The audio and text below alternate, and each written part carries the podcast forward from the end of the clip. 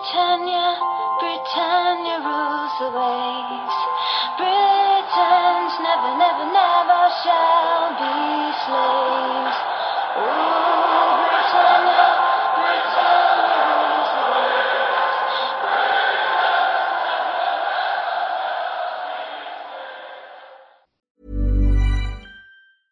You should celebrate yourself every day, but some days you should celebrate with jewelry. Whether you want to commemorate an unforgettable moment or just bring some added sparkle to your collection, Blue Nile can offer you expert guidance and a wide assortment of jewelry of the highest quality at the best price. Go to BlueNile.com today and experience the ease and convenience of shopping Blue Nile, the original online jeweler since 1999. That's BlueNile.com. BlueNile.com.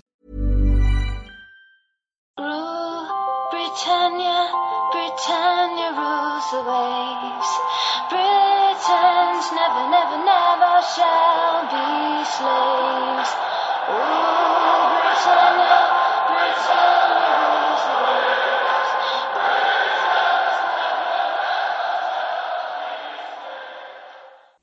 Hej och välkomna till avsnitt 49 av Svenska FPL-podden.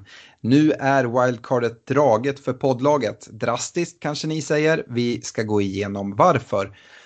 Vi spelar in idag tisdagen den 20 augusti och agendan för dagens avsnitt är att vi såklart som vanligt kommer gå igenom Game Week 2 i sin helhet. Vilka matcher har spelats, vilka spelare har stuckit ut, vilka har inte stuckit ut. Vi kommer kika in i poddligan lite snabbt, se vad som händer där Eh, sen så kommer det vara stort fokus på poddlaget och vårt wildcard. Varför drog vi det? Vad tänker vi? Vilka spelare är det som vi ser mot att få in och det är därför eh, ja, wildcardet har dragits helt enkelt. Vi följer upp förra veckans rekommendationer som föll ganska väl ut och eh, kommer med nya rekommendationer.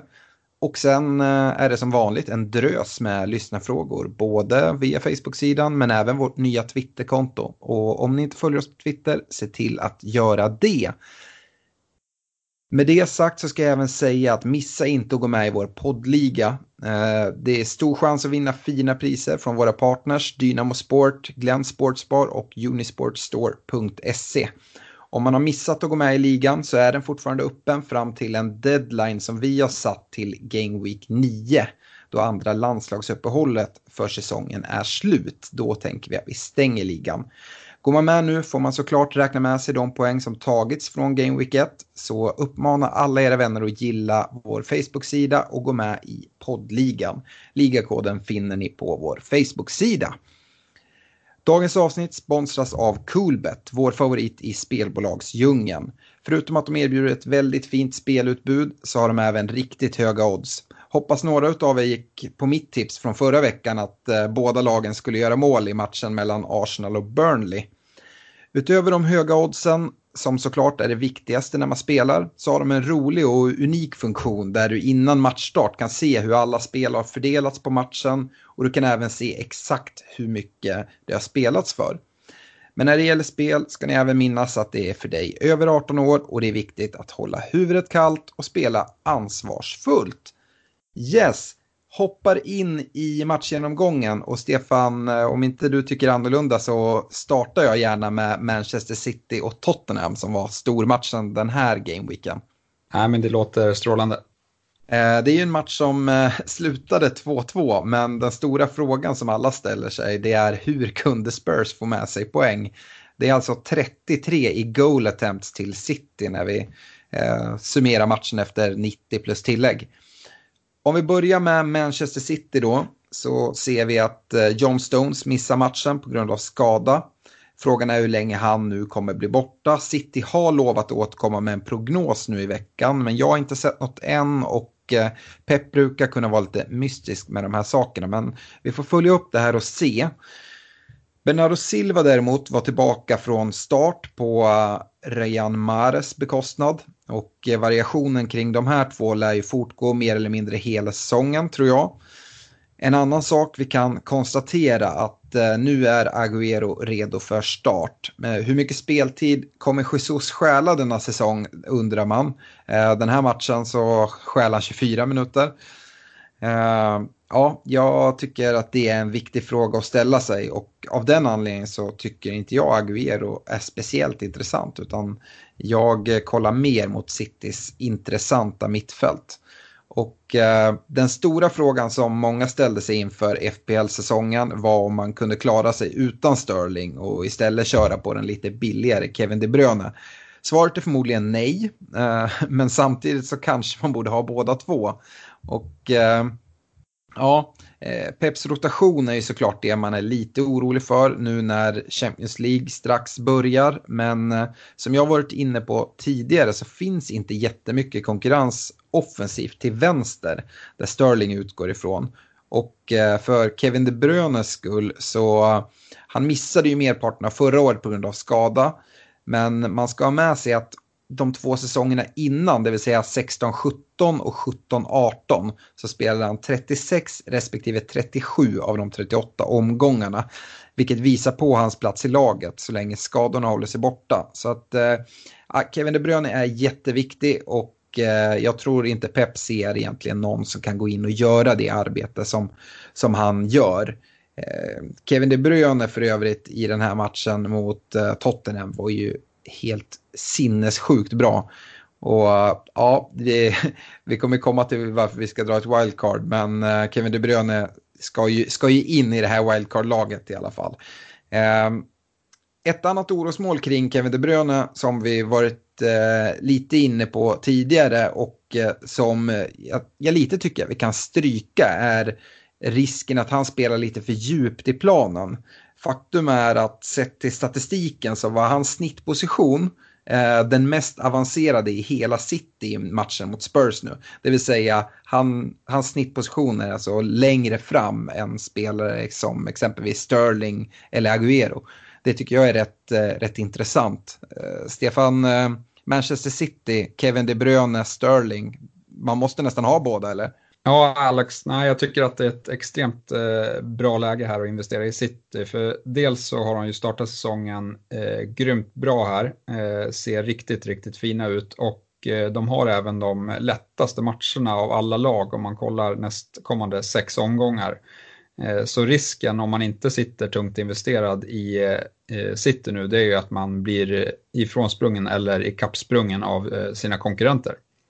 Ja, håller du med mig i den här tankegången kring Agüero att eh, man kanske bara ska skippa honom helt för att fokusera på mittfältarna i Kevin De Bruyne och Sterling då? Ja, offensivt tycker jag absolut att Sterling och De Bruyne ser bra ut. Sen tycker jag att eh, defensiven ser jättebra ut. Rodri har kommit in och, och eh, spelar jättefint. Eh, visst, eh, nu med Stones skadad så spelar Otamendi, vilket är lite av en försvagning. Eh, men även om de släppte in två mål mot Spurs här så eh, speglar ju inte det eh, matchbilden direkt. Och jag tror Spurs som lag hade fem touch i straffområdet, hade ett avslut i straffområdet. Och ja, det finns mycket statistik från den här matchen som ser gynnsam ut för Citys fördel. Ja, vi får väl se det här med Stones. Det är inte säkert att det är allvarligt och att han blir borta länge utan han skulle ju kunna vara tillbaka redan till helgen. Vi väntar på det uttalandet från, från City. Jag tror att vi kanske får något besked i alla fall. Kanske inte glasklart från Pep, men någonting in, eh, i presskonferenserna inför helgens matcher. Eh, jag, jag går vidare med Tottenham då som ska skatta sig väldigt eh, lyckliga för att eh, få poäng med sig. Eh, Fertongen får fortsätta på bänken men Eriksen går in i startelvan och det är en väldigt viktig spelare för hur intressant Harry Kane är i ett fantasyperspektiv enligt mig. Jag följer sista tiden här på transferfönstret med stort intresse för även om det är stängt för England och köpa in spelare så kan det fortfarande försvinna några och Eriksen är väl i stort sett den enda spelare som jag tror kan riska att försvinna här i slutet. Eh, av spelare av värde i alla fall. Eh, yes, eh, Lukas börjar bänk men eh, tar sig ändå in i poängen med sin kasse bara 19 sekunder efter sitt inhopp. Han eh, nickar faktiskt in en hörna, lite oväntat, men eh, är en duktig eh, huvudspelare. Nu är Dessutom Son och Foyf tillbaka från avstängning här inför Game Week 3, vilket gör att konkurrensen hårdnar ännu mera i Spurs. Och eh, för mig så är Kane den enda offensiva spelare som jag tittar mot. Och eh, eh jag tror de andra kommer sno speltid av varandra. Jag gillar såklart Son, men eh, priset 9,5, då ska han konkurrera med spelare som Kevin De Bruyne som vi precis talade om. Och nej, tyvärr Son, alltså det är, jag, jag tror mer på Kevin De Bruyne och City än vad jag gör på Son och Spurs. Och eh, Dessutom så vet vi inte om Son kommer starta match efter match. Det är, det är inte alls säkert. Eh, vad säger du Stefan? Ser du några andra alternativ i Spurs att gå in och kunna täcka att inte ha Kane men ha någon annan spelare?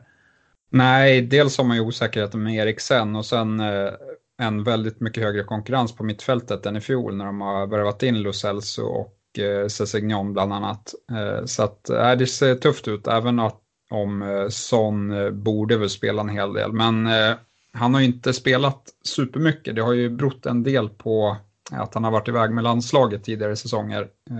Men spelar han regelbundet hela tiden, då är han intressant skulle jag säga.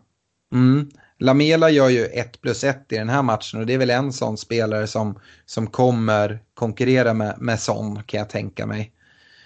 Ja, jag tror, jag tror det är rätt negativt för Lukas att Son är tillbaka. Mm, absolut. Eh, Ndombele då som vi har sagt inte är någon poängspelare. Eh, han fortsätter ta poäng eh, med denna veckas assist. Men eh, jag tycker fortfarande det, precis som du nämnde i förra veckan Stefan, så tror jag inte vi kommer se tillräckligt mycket poäng från hans sida. Men vi kan ju såklart båda ha fel. Eh, han hade dock endast två bolltoucher i sista tredjedelen hela denna match, vilket backar vår tes då. Eh, I de defensiva leden i Spurs så skulle Walker Peters kunna vara intressant om man gör den platsen till sin skulle jag säga. Eh, Orier Orie var inte ens på bänken nu i helgen och Foyf som är tillbaka från avstängning och spelat på den positionen en del på försäsongen. Han är just i detta nu skadad så det skulle kunna vara där men som sagt jag lockas inte supermycket. Jag tycker det finns andra defensiva alternativ i, i andra byggen som är av ett större intresse. Ja, jag tyckte han gjorde det bra mot Sterling, eh, faktiskt eh, klarade av den uppgiften bra, eh, trots att Sterling gjorde mål. Men det var, jag skulle säga att det var lite flax i Sterlings eh, nickavslut där. Eh, jag tror inte han har det i sig riktigt. Ja, den framspelningen av Kevin De Bruyne, alltså den är så jävla fin. Ja, på ett tillslag bara lägger han in den precis på rätt yta. Så att, nej, eh, underbart att se. Eh, jag har inte så mycket mer från, från den matchen. Jag tycker bara att Tottenham ska vara väldigt glada över den poängen som de snor med sig. Ja, de, de är ju experter på att få med VAR-besluten också mot eh, City. Verkligen. Nej, eh, men skämt åsido, eh, Southampton-Liverpool.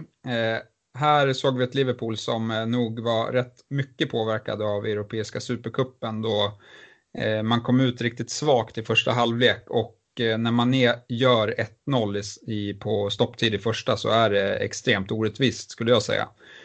Sen så vinner ju Liverpool matchen i andra halvlek och kunde ha gjort det klarare än, än vad de gjorde när Adrian bjuder på ett mål till Southampton. Men sett till matchen som helhet så hade det inte varit orättvist om Southampton hade fått med sig någonting härifrån. I Liverpool så är det väl egentligen en spelare som utmärker sig i den här matchen och det är Mané som eh, gör 1 plus 1 och överglänser Salah rätt ordentligt. Eh, Salah å andra sidan, han bränner eh, ett friläge. Eh, han brukar ju kunna bränna några lägen per match. Eh, I övrigt så tycker jag att han, han är rätt anonym. Eh, och defensiven som jag var inne på, den ser fortsatt virrig ut. Eh, och Eh, det är, det är lite oroligt. Och vi var inne på det här också med eh, att det skulle märkas att Alisson var borta. Och nu gjorde Adrian en jättegroda. Det tror jag inte att han kommer göra varje vecka.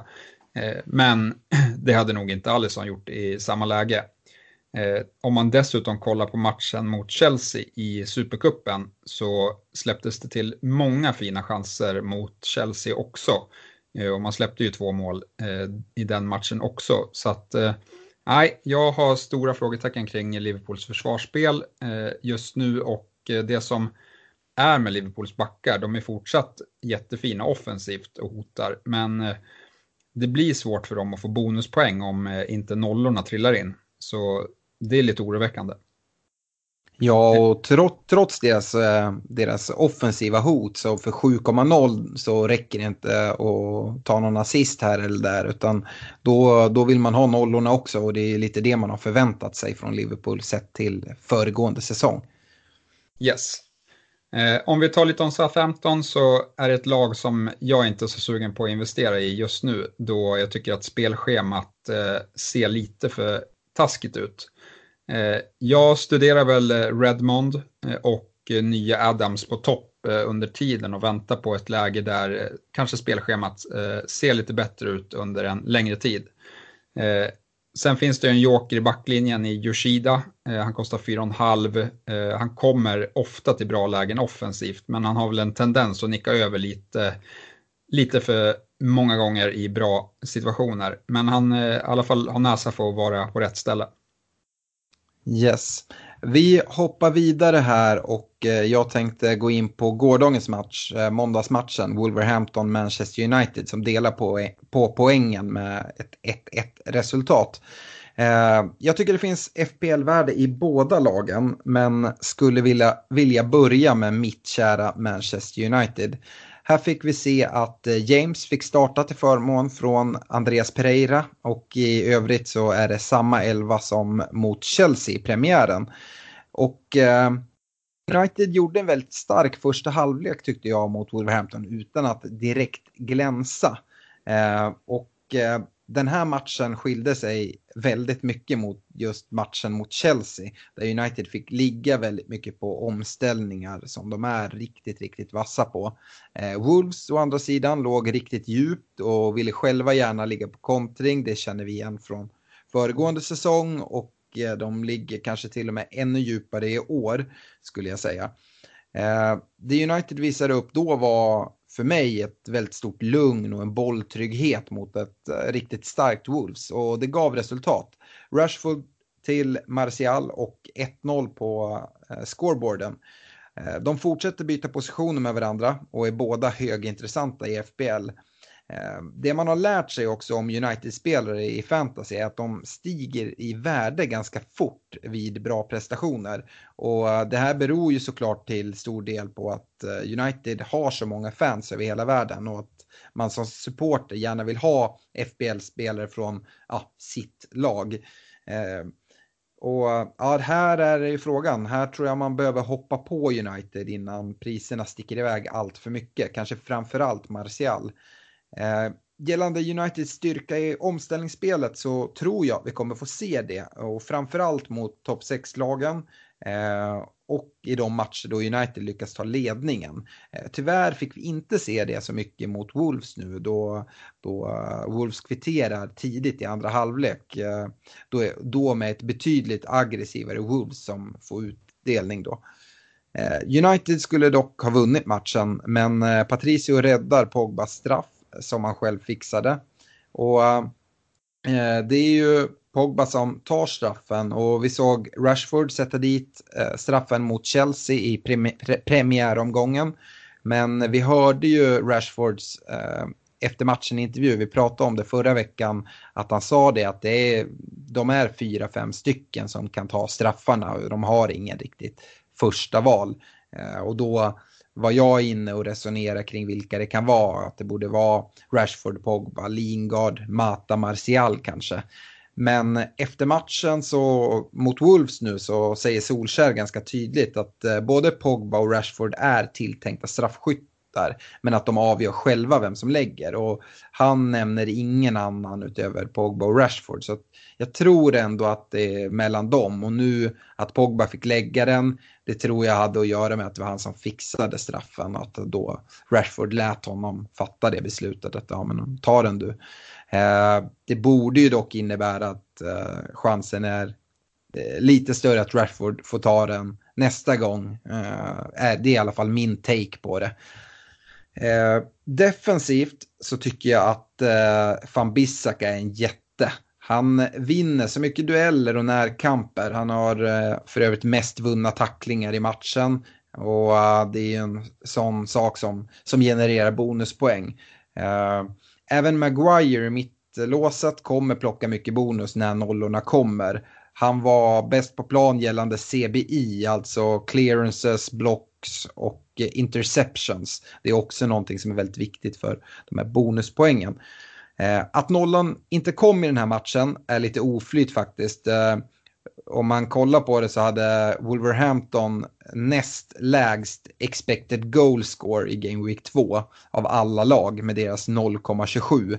Det är samma som Crystal Palace och egentligen endast Tottenham som vi var inne på som hade lägre med 0,13. Och det är, det är egentligen omöjligt att försvara sig mot ett sånt världsklassavslut som, som Neves får till utanför eh, straffområdet. Eh, jag personligen gillar verkligen Uniteds schema här framåt och det kommer vara en stor risk att gå utan United-spelare de kommande veckorna. Speciellt med tanke på att vi kommer se prisökningar som vi var inne på och vi har redan börjat sett dem. Eh, jag kollar framförallt mot spelare som van Bissaka, Martial och Rashford. Där jag håller Martial högre än Rashford ändå. Eh, ja, Stefan, dina tankar kring United? Nej, jag, jag håller egentligen samma spelare eh, som eh, bäst där som du nämnde. Eh, sen tror jag väl att det kommer vara eh, rätt eh, tajt mellan Maguire och eh, van Bissaka. Eh, det är i alla fall de två som jag kikar mest på i eh, defensiven. Och, eh, men det som jag tyckte var, var väl att van Bissaka, han bidrog en del offensivt. Han hade kunnat gjort en ass här, eller två om det hade velat sig väl. Han eh, hade lite inspel till båda gångerna till Lingard tror jag som, som såg lovande ut. Ja, jag håller med. Han, han, eh, han kommer fram mer och mer och jag tror eh, Maguire tänkte man inför säsongen, eller i alla fall jag, att han är ett offensivt hot. Men man ser att United verkar vilja spela in ganska höga höga bollar med mycket snö på mot Maguire som han ska nicka ner till någon. Så jag tror att Maguire ska nicka in så många bollar, det tror jag faktiskt inte kommer hända om de fortsätter att spela så här. Utan det är möjligt att han kan få någon assist när bollen dimper ner till, till någon. Men ja, det är i alla fall min, min syn på det. Yes. Uh, Wolverhampton då, uh, jag tycker att det finns värde här också. Och uh, ja, samma elva som i premiären mot Leicester och det är exakt det här jag gillar med Wolverhampton eh, ur ett FBL-perspektiv. Att det inte roteras eh, lika mycket som lag som Chelsea eller City eller Brighton för den delen. Eh, jag tycker eh, Wolverhampton ser bra ut och de gör det som sagt riktigt svårt för United men ändå lyckas United göra mål i första. Och i halvtid så byts eh, Doherty ut och in kommer Traoré. Eh, vi får se ett väldigt taggat Wolves som kommer ut med frenetisk press i början på andra och målet eh, kommer efter en hörna eh, och det målet som Neves gör är det väldigt, väldigt hög klass på. Eh, Motinho som har assen och tar alla bonus tycker i alla fall jag är en väldigt prisvärd 5,5 mittfältare precis som den Donker är för 4,5. Eh, som man inte kan förvänta sig kanske lika mycket poäng ifrån som, som Motinho, andra sin sparar du 1,0 där. Eh, på topp så ser man Jiménez och han ser fortsatt ut som ett bättre val än Jota. Men eh, prisskillnaden på 1,0 gör att jag ändå föredrar Jota just nu. Eh, jag vet att du Stefan är inne på att eh, Jota tappar en hel del eh, speltid, eh, framförallt till nyförvärvet Cutrone. Men ja, jag tycker det, de som är osäkra på Jota efter de här två gameweeksen ska ha med sig att eh, Game Week 1 var väldigt speciell den, eh, med tanke på deras Europa League-match. Eh, där de hade en jättelång resa eh, bara dagar innan matchen. Och i den här matchen så möter de kanske seriens, eh, eller Jota möter kanske seriens bästa defensiva högerback i van Bissaka och blir av med bollen flera gånger. Jag är rätt säker på att poängen kommer komma för Jota. Eh, jag är inte överförtjust i Wolves spelschema, men det är heller ingen katastrof. Wolverhampton kommer göra en fin säsong även i år och eh, kommer ge alla lag en rejäl prövning. Eh, Stefan, vill du skjuta in någonting kring eh, diskussionen kring Jota och Jiménez? Ja, det är ju för tidigt att säga eh, helt säkert, men vad man såg i den här matchen gillade jag inte att han eh, drogs ut väldigt mycket på kanterna, liksom, framförallt på vänsterkanten. Medan jag tycker det ser mer lovande ut med Jiménez som tar mer centrala positioner. Eh, plus eh, den här eh, rädslan kring att eh, Jota byts ut eh, allt mer. Eh, och vi vet inte riktigt. Nu kommer det nya kvalmatcher för Wolves i Europa League på torsdag igen och eh, torsdagen efter tror jag att eh, returen går. Så att eh, vi får se om det blir som för Burnley här, eh, för, som hade en riktigt tung inledning på Premier League tack vare sitt eh, Europa-kvalande. Eh, mm. Ja, vi, vi får se helt enkelt. Eh, yes, eh, då fortsätter jag med eh, Chelsea-Leicester. Och Chelsea de kommer ut och börjar i vanlig ordning väldigt fint i första halvlek men de tröttnar rejält i andra och ett oavgjort resultat är nog rättvist om man ser till hela matchen. Men det är inte första gången vi ser Chelsea tappa här efter Eh, efter eh, en tid i matchen och nu hade de ju en bra anledning när de hade spelat Europeiska Supercupfinalen mot eh, Liverpool. Men jag tycker ju det finns tendenser i Chelsea som ser riktigt bra ut och kan de hålla den här intensiteten i sitt spel under längre tid och komma upp mot 90 minuter och vara lika bra, då kommer de bli intressanta. För det är ju inte många som kostar speciellt mycket i Lampards bygge här. Dock så tycker jag väl att vi behöver mer eh, matcher för att riktigt utvärdera här vad, vad man ska dra för slutsatser om, om Chelsea. Men just nu så är väl eh, Mason Mount eh, som sticker ut för 6,0. Eh, han ser ut att vara riktigt bra värde. Eh, jag har bara lite liten farhåga kring hur ordinarie han är. William var, kom tillbaka i matchen mot Leicester, fick ett inhopp. Eh, Kommer Mount fortsätta vara, ha förtroende, då är han eh, högintressant och Lampard även eh, låter han ta mycket fasta situationer. Eh, andra spelare som jag kikar på är Emerson eh, på vänsterbacken för 5,5 och eh, den mittbacken som kommer etablera sig bredvid eh, Rydiger, det blir ju an, antingen Christensen eller Zuma och båda kostar 5,0. Eh, så att eh, ja, jag kollar, har dem på bevakningslistan och eh, Eh, ja, kommer tillbaka om några matcher när Lampard har fått satt ännu mer prägel på, på Chelsea. Om man kikar på Leicester då, eh, så eh, har de inte fått en speciellt bra start här. Eh, de har två matcher på sig nu innan spelschemat blir riktigt tufft. Eh, och därav har jag väl svårt att eh, rekommendera någon för att eh, göra en investering i Leicester. Eh, men sitter man på Leicester-spelare så ska man nog inte ha panik riktigt än, för kommande två matcher är fina. Eh, dock så ska man ha med sig att Peres eh, för 6,5 där och Vardy, de har inte riktigt sett så bra ut som man hade hoppats på. Eh, jag tycker inte att de har imponerat. Eh, däremot Madison och Thielemans, de har sett lite eh, bättre ut men inte fått eh, någon utdelning. Så att eh, skulle jag, de håller jag ändå lite högre. Eh, men eh, ja, rekommendationen är att inte köpa in någon Leicester-spelare här men inte få panik om man äger någon.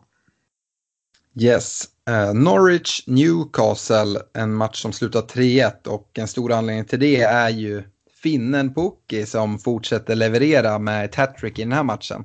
Och eh, pratar vi Norwich så måste vi bara börja prata om eller ska vi kalla honom finnen, Stefan, du som eh, gjorde klart tidigt eh, här redan i slutet på förra säsongen att det är ingen finne som ska spela i mitt fantasylag någonsin. Nej, jag skulle ju svalt den där stoltheten ordentligt för jag hade ju planerat att byta in honom som ni hörde i förra podden men jag, jag gick ifrån min egen rek och sparade mitt byte till stor frustration i helgen. Ja, eh, hans tre mål i sig är ju helt galet imponerande. Men det man ska ha med sig är att han mycket väl skulle kunna ha klivat, klivit av planen med både fler mål och någon assist. Han hade sju skott inne i boxen, vilken är en helt galen siffra. Och eh, jag ska även säga det, de som har valt Norwich-försvarare av någon konstig anledning ska känna sig lite olyckliga då Newcastle tillåts till att göra ett tröstmål långt in på tilläggstiden. Men eh, Problemen i Norwich kommer att vara deras försvar och vi kommer inte se så många nollor. Det är nästan så att man blir sugen att kolla upp oddset hos vår spelpartner Coolbet på att Norwich är det lag som kommer att hålla minst nollor över säsongen. Eh, två tuffa hemmamatcher väntar nu. Eh, nästa vecka Chelsea och Game Week 5 kommer City på besök. Lär knappast bli några nollor, eh, men jag utesluter verkligen inte mål framåt och då kommer Pukki mycket troligt vara inblandad. De verkar ju spela tokoffensivt oavsett vilket lag de möter, det såg vi i premiären mot Liverpool. Eh, en annan spelare utöver Pukki som jag tycker att vi bör nämna är Todd Cantwell, 4,5 mittfältare som står för två ass i den här matchen.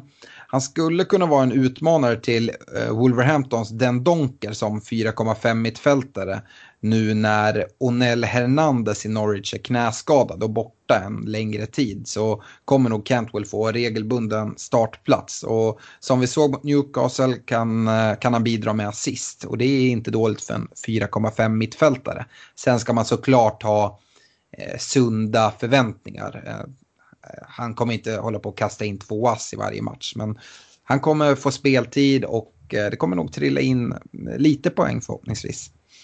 Eh, om man vill investera lite mer i Norwich offensiva mittfält så är Boendia en kandidat för 6,0. Det var han som assade Puck i Game Week 1 och såg bra ut både i den matchen men även den här där han ligger bakom väldigt mycket av allt Norwich offensiva spel. Eh, ja, Stefan, hur ser du på Cantwell, Boendia och framförallt finnen? Eh, ja, Poker ser ju jättefin ut. Sen, jag tror att eh, nu, nu hyllar vi dem här, men ja, man ska ju såklart ha rimliga förväntningar. Poker kommer ju inte snitta ett mål per match hela säsongen. Eh, men eh, som sagt, jättefin inledning. Eh, han ser ut att vara bra värde. Eh, lite tuffare matcher här nu, får se om man eh, lyckas få in någon balja till. Eh, Cantwell tycker jag väl trumfar eh, Boendia på grund av pris där och jag tycker att han gjorde två ass, vilket kanske var eh, vilket är bra, men han hade även lägen själv också. Så att, eh, nej, han ser fin ut. Mm. Är Cantwell eh, den 4,5 du tycker är mest intressant? Går han före den Donker? Ja, det kanske han gör, men jag har väl lite så här, som sagt, eh, det kan vara bra att äga honom och ha honom på bänken för eventuell prisuppgång. Men nu tror jag inte att det blir så mycket mer poäng eh, de kommande tre matcherna. Eh, men därefter så kanske, jag har inte sett spelschemat riktigt ordentligt därefter. Men då om mm. de har några fina matcher så har jag inga problem att ha honom på banan om han ser fortsatt intressant ut. Nej. Om vi går över till Newcastle då, detta härliga Newcastle. Eh, där vi nu har en svensk spelare och Emil Kraft får faktiskt starta den här matchen. Men eh, som sagt, håll er borta från både Kraft och Newcastle i stort. Eh, det jag inte kan begripa är att Steve Bruce på något sätt har lyckats att förvandla det här Benites skickliga försvarsspel till ett av ligans sämsta på så kort tid. Eh, som jag sa när jag talade om Norwich så hade en 100% i Pucki kommit iväg med både fler mål och assist inte enbart på grund av hans egna förmåga utan i, i många fall med anledning av Newcastles oförmåga till försvarsspel. Eh, med det här försvarsspelet eh, så eh, kanske Newcastle är det lag som kan utmana Norwich om minst nollor under säsongen. Nu väntar även Spurs borta i nästa vecka och i Game Week 5 Liverpool borta. Så håll er bara borta om ni inte eh, förstår, förstår det själva. Eventuella skadebekymmer offensivt också då nyförvärvet Joel Linton fick kliva av skadad och nu är osäker inför Game Week 3. Toppen. Eh, jag drar vidare med Arsenal-Burnley. Eh, och det här tyckte jag väl var en match som Arsenal vinner mycket tack vare individuella prestationer av eh, Lacazette och Aubameyang som fixar fram två baljor ur situationer som inte är speciellt bra lägen. Eh, Burnley, de gör en bra match tycker jag. De är tunga, de skapar tryck och eh, ja, hotar på fasta situationer och eh, inlägg.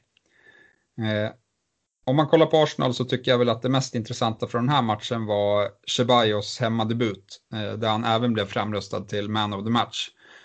Han är lite allt i allo kan man säga. Han skapar tre chanser, han har tre avslut på mål och han imponerar i bonussystemet. Eh, fortsätter han så här, eh, då kan han fylla Ramseys skor, även om han är lite mer av en spelfördelare än eh, kanske har Ramseys fina eh, löpförmåga att ta sig in i straffområdet. Eh, I övrigt kan man säga att Lacazette är tillbaka från sin skada, eh, får cirka 70 minuter och eh, gör mål direkt. Och eh, Aubameyang fortsätter sin eh, fina målform med ett nytt mål här. Eh, Pepe han fortsätter matcha sig in försiktigt och får 45 minuters inhopp i andra halvlek. Eh, visar väl upp lite bättre tendenser än vad han gjorde eh, första omgången, men som sagt, jag tror att man ska vänta några omgångar till med honom.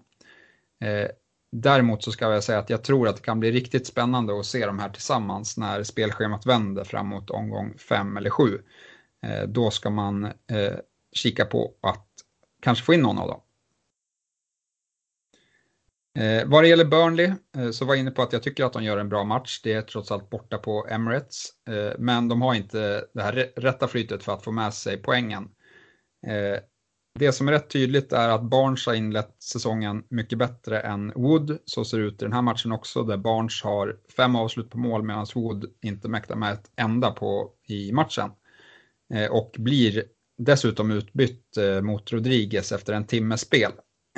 Eh, det enda positiva för Woods del är väl att eh, jag tycker att Burnley känns mindre eh, farliga med Rodriguez på plan, även om Wood inte kom till en avslut så är han ändå stor och stark och eh, ja, gör, drar, drar åt sig mycket eh, markering och så när det, när det vankas inlägg. Eh, så det ska, man, det ska man väl ha med sig. Men jag tycker att eh, deras, eh, deras spel eh, ser mycket bättre ut än, än i fjol. Eh, och defensivt så gillar jag ju Pope mest i kassen för 4,5 eh, men Ben Mi Eh, för 5,0. Han hotar ju en hel del offensivt om man är ute efter lite mer offensiva poäng där. Men priset tycker jag är lite väl 5,0 där för Mi.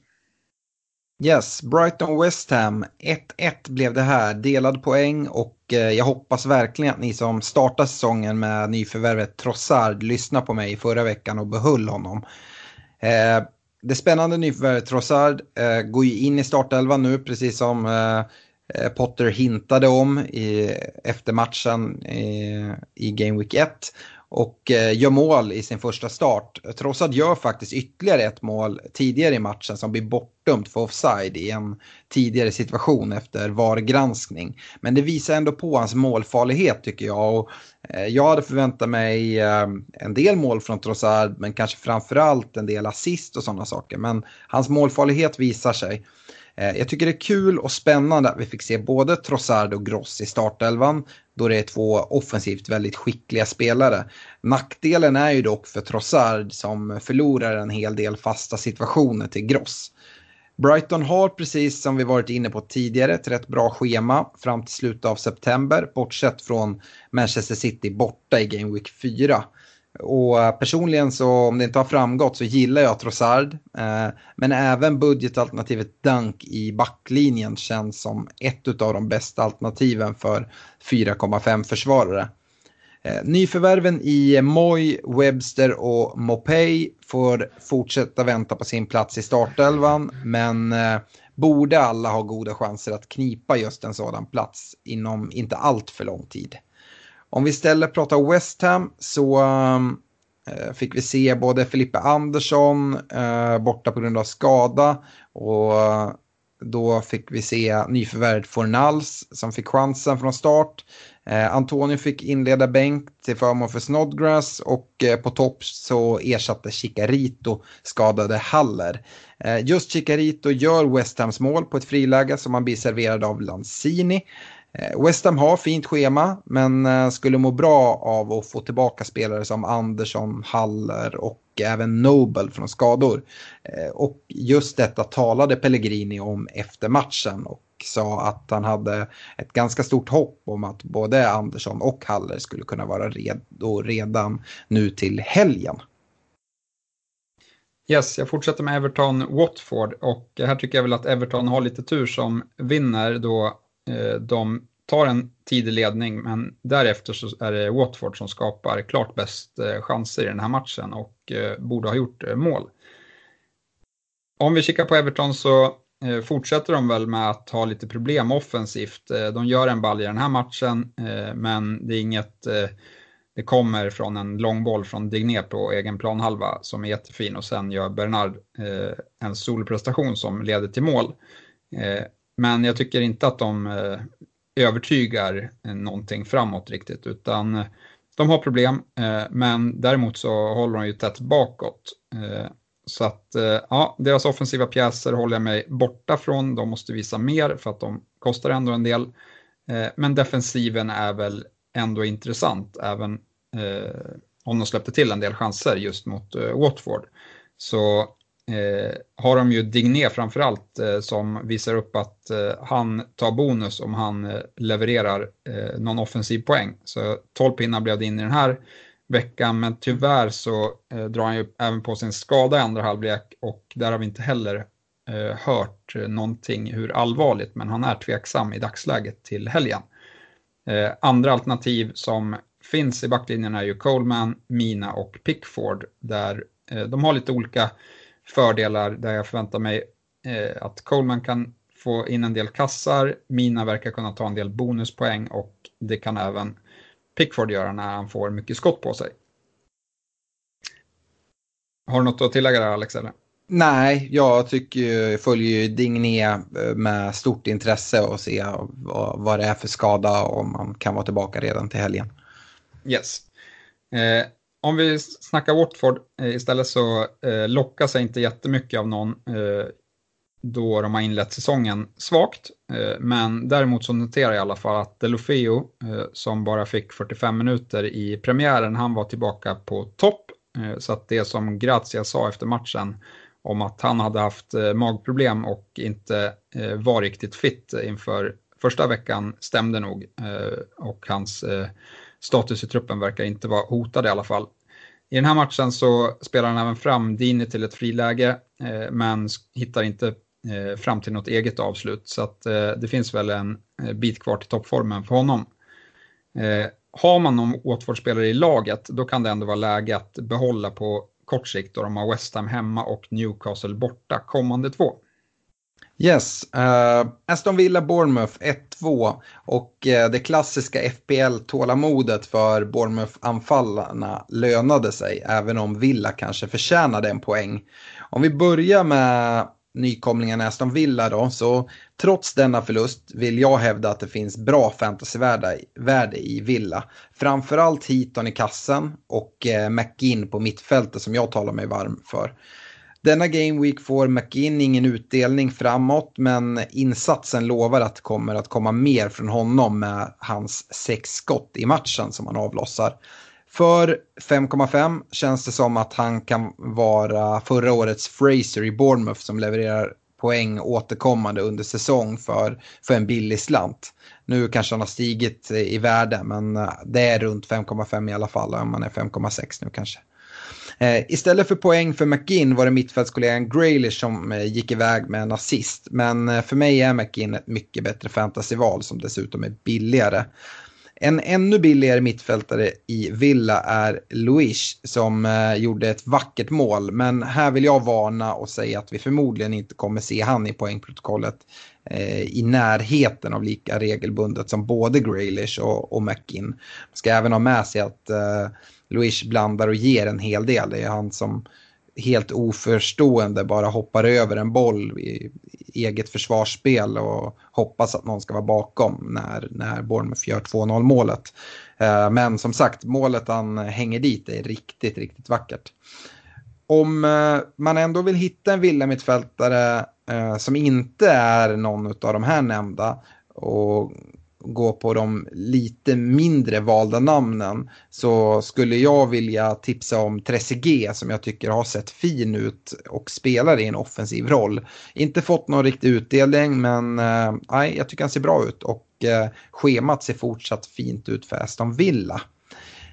Bournemouth då, ja, King visade ju varför många har valt honom han är på straffar och kommer få en del mål eh, på det sättet. Sen dessutom kommer han kunna, kunna bidra med poäng på andra sätt.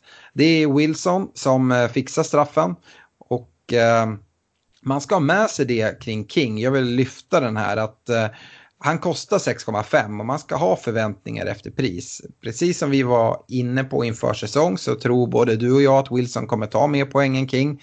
Men det är en avvägning man, man måste göra. Och väljer man att gå på anfallare med 6,5, det gäller även Pukki, nu är han verkligen överpresterat, men som du var inne på, det kommer inte komma mål vecka efter vecka, utan en sån spelare tar man in för att det ska komma lite poäng eh, då och då, men framförallt för att frigöra pengar för att ha råd med de mer premiumalternativen som man behöver trycka in och kanske sätta kaptensbindel på och liknande. Eh, vi pratade om eh, Wilson och hans ass när han eh, fixade straff, men vi fick även se ett mål från Wilson. Men då inte från Callum utan Harry Wilson. Harry Wilson, mittfältare för 6,0, behöver inte vara dum i fantasy. I alla fall inte nu när Brooks är borta, långtidsskadad. Wilson tar en del fasta situationer också och ja, varför inte? 6,0, mm, kanske lite i överkant, men äh, fint äh, långskott han avlossade i den här matchen. Nu väntar en riktigt tuff match mot City närmast, men efter det så sp ser spelschemat åter väldigt fint ut för några game weeks framåt. Yes, och jag rundar av med Sheffield eh, mot Crystal Palace då. Eh, och det här är en match som Sheffield United vinner fullt rättvist efter imponerande spel i deras eh, hemmapremiär i Premier League. Eh, och det är fortsatt som vi var inne på i podden i första avsnittet så är det deras defensiv som eh, imponerar och eh, verkar hålla Premier League-klass. Och eh, jag tror att på hemmaplan så kommer de göra det eh, riktigt jobbigt för många lag. Eh, I den här veckan så var det jackpot för de som hade Lundström på planen då han stänkte in en balja och fick med sig alla tre bonuspoängen utöver sitt mål så skapar han även en stor chans eh, även i den här omgången. Han skapade två i, i första omgången, så han har eh, inlett säsongen riktigt, riktigt bra. Eh, och hade inte han funnits i laget så hade ju Henderson och O'Connell, båda för 4,5, varit intressanta. Men eh, just nu så trumfar ju Lundström det då han är billigare. Eh, men som sagt så bör man ha eh, rimliga förväntningar även här då spelschemat snart kommer bli lite knivigare och då blir det nog inte lika mycket poäng för eh, Sheffield-spelarna. Eh, för om Crystal Palace så eh, blir det allt tydligare tycker jag hur laget står och faller med, med Zaha. Eh, det känns som att det här kan bli en riktigt jobbig säsong eh, och eh, ja, den, den känslan har bara förstärkts efter att ha blivit utspelad av eh, Sheffield här. Eh, de ska möta United på Old Trafford nu nästa. Eh, sen har de väl i och för sig tre rätt fina hemmamatcher de kommande fyra omgångarna. Eh, men jag vet inte, det känns som eh, riskabelt att gå in där trots fina matcher. Eh, vi har ju en spelare av intresse som många äger i Kelly för 4,0 i backlinjen. Han får nytt förtroende. Men jag är fortsatt rätt tveksam då Cale finns på bänken och Tomkins och Sacco är skadade så när någon av dem är tillbaka då är Kellys plats väldigt hotad skulle jag säga. Yes, och det var matchgenomgången. Eh, det kommer bli ett långt avsnitt det här också, framförallt för att vi ska prata väldigt mycket wildcard för vårt poddlag, men även på grund av alla lyssnarfrågor. Vi ska fort kolla in lite i poddligan och eh, på första plats hittar vi Erik Toneng på, som tar 71 poäng den här gameweeken, vilket är riktigt imponerande då det är ganska låga scorer generellt. Totalt ligger han på 175 pinnar. På andra plats hittar vi Håsan CH, 69 pinnar i Gameweeken, också väldigt bra. Totalt 174, så en pinne bakom. Och på tredje plats eh, förra veckans ledare Joakim Jonsson som endast har 47 poäng den här veckan men ändå har 172 totalt. Sen ska jag göra en sista shoutout efter Tobias Prick som har vunnit ett presentkort eh, men jag har fortfarande inte hört något från honom. Så eh, Tobias om du lyssnar nu, hör av dig till oss. Eh, är alternativt om det är någon som känner Tobias Prick så eh, får ni gärna säga till honom att han behöver återkomma så vi kan skicka presentkortet. Eh, yes, då ska vi hoppa in i poddlaget och eh, innan vi hoppar in i allt wildcard-snack som kommer bli ganska djupt så summerar vi Game Week 2 och vi tar sorgliga 39 pinnar. I och för sig en Game Week med eh, bra mycket lägre snittpoäng än Game Week 1 så vi tappar faktiskt inte supermånga placeringar. Men eh, ja, ändå så kommer det bli ett wildcard nu, eller det är redan draget. Eh, inför Game Week 2 så hade vi också en kaptensdiskussion, Stefan. Eh, det stod ju mellan Salah och Sterling för oss och för de som känner till oss och lyssnade på, på podden förra året så vet ni att jag har en vana av att vara bedrövlig på just kaptensval. Men eh, jag, jag flaggade upp för dig Stefan, för vi hade ju först tänkt ta Sala, Eh, skulle jag säga. Men jag fick en känsla där med de här 120 minuterna i Istanbul på onsdagen att nej, Sterling kommer trumfa honom. Och, eh, eh men jag ville inte fatta beslutet själv så att till slut landar frågan hos dig och jag tror att, eh, ja, eh, att vi tillsammans kom fram till Sterling i alla fall till slut. Eller vad, vad säger du? Ja, men det blev ju rätt beslut och det var ju skönt det, eh, mm. trots allt.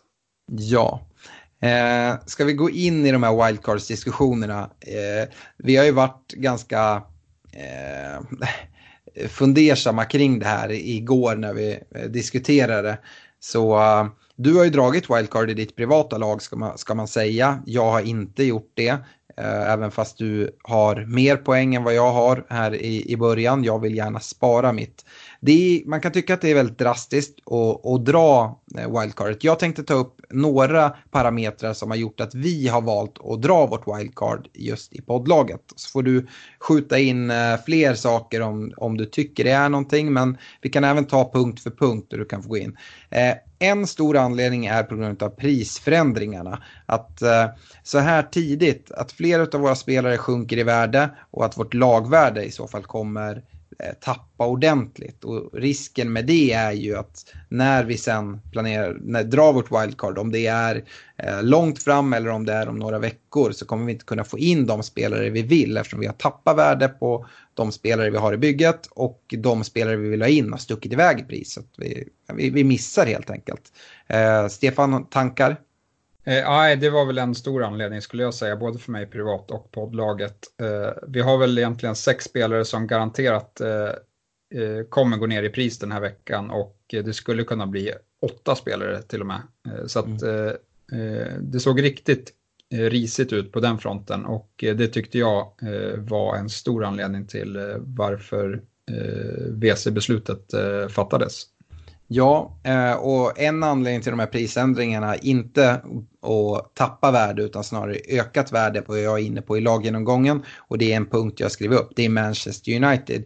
Och både jag och Stefan känner att vi vill ha United-spelare. Eh, vilka är inte helt klart än, men Martial och van Bissaka känns ju mest intressanta skulle jag säga.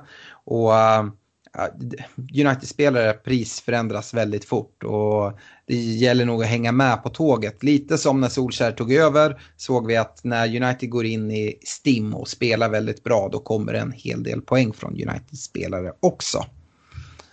Eh, behöver du kommentera den eller? Nej, vi satt ju helt utan och eh, som du var inne på har de visat lite form och spelschemat eh, var bra. Eh, så det var ju en anledning. Jag kan ta nästa punkt mm. som, som jag tror du håller med om också. Vi, Eh, efter vi fick en skada då på Stones, som vi inte vet eh, status på riktigt, så satt vi bara med Sterling i bygget. Eh, och som vi sa i matchgenomgången så imponerar ju City stort och har det bästa spelschemat. Så där vill vi ju vara tungt investerade. Så det tyckte jag var en annan stor anledning till att vi drar wildcardet också. Mm. Eh, en anledning är dessutom Liverpools försvar som inte imponerar. Dels då med att Alisson är borta men även generellt har vi sett på försäsongen att eh, det har rullat in en del bollar bakåt. Och, eh, vi har suttit med dubbelt Liverpool-försvar. jag ser inget jätteproblem i att ha det. Däremot så är det ett bra sätt att frigöra finanser att eh, ta ut en eller kanske till och med att båda och gå helt utan Liverpool-försvarare. Och ehm, ja, det är också en anledning till att ja, men, här skulle vi kunna göra det för att frigöra pengar som vi investerar på annat håll. Yes, ja, nu vet inte jag vad du har skrivit ner men eh, jag har en sammanfattning om, om inte du har något mer.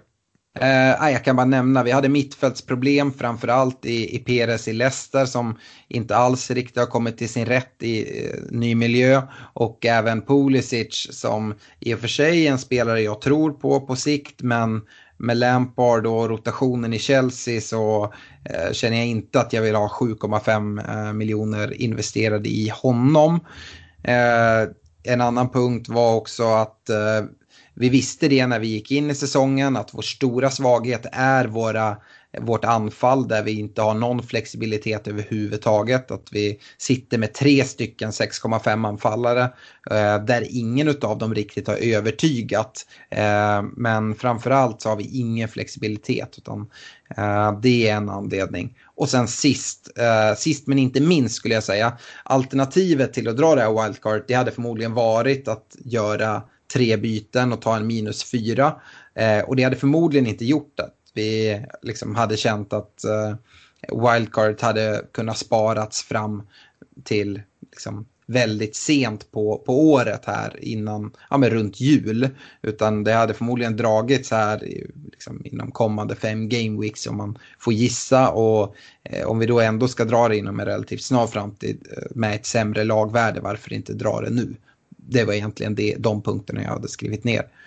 Ja, men det, jag, jag vill, vill, också säga det på slutet att eh, det var lite för många bränder som vi ville släcka eh, och eh, det hade kostat för mycket minuspoäng genom vanliga byten för att göra det. Så att eh, därav tidigt wildcard. Vi litar väl ändå i vår förmåga på att, eh, på att hitta rätt spelare på lång sikt. Så att eh, det ska bli intressant och jag tror att vi får en, en bra sving i lagvärdet här. Ja, absolut. Och eh, ja, det är ju väldigt drastiskt kan man tycka. Eh, och om det är rätt, det går inte riktigt att avgöra nu. Det kommer vi få summera i efterhand. Och, um, om vi istället går in på vilka spelare vi är intresserade av i vårt wildcard-lag eh, så ska vi väl säga det att vi har inte satt något givet wildcard-lag. Vi har såklart suttit och funderat lite. Vi kan väl prata om några spelare som vi definitivt kikar väldigt, väldigt mycket mot och så kan vi återkomma eh, via vår Facebook-sida med eh, spikat lag i, i slutet utav, av eh, veckan inför deadline. Eh, men eh, vi kan väl börja bakifrån Stefan, vi är väl ganska nöjda med de målvakter vi har i, eh, i Pope och Heaton. Ja, det, det, tror jag. Det känns som bra budgetkeepers eh, i år och eh, det sparar ju eh, lite pengar för att investera på annat håll. Mm, försvaret har vi varit inne på eh, att vi förmodligen kommer downgrada i, i Liverpool för att frigöra pengar. Eh, som det ser ut kommer vi nog gå helt utan Liverpool i, i försvaret. Eh, och en spelare som med väldigt stor sannolikhet kommer komma in det är väl van Bissaka. Ja, han, han gillar ju både du och jag så han är nog rätt självskriven. Sen kommer ju Lundström vara kvar. Men de övriga tre platserna, de skulle jag väl säga inte helt eh, satta. Där kan det ändras en del fram och tillbaka fram till deadline.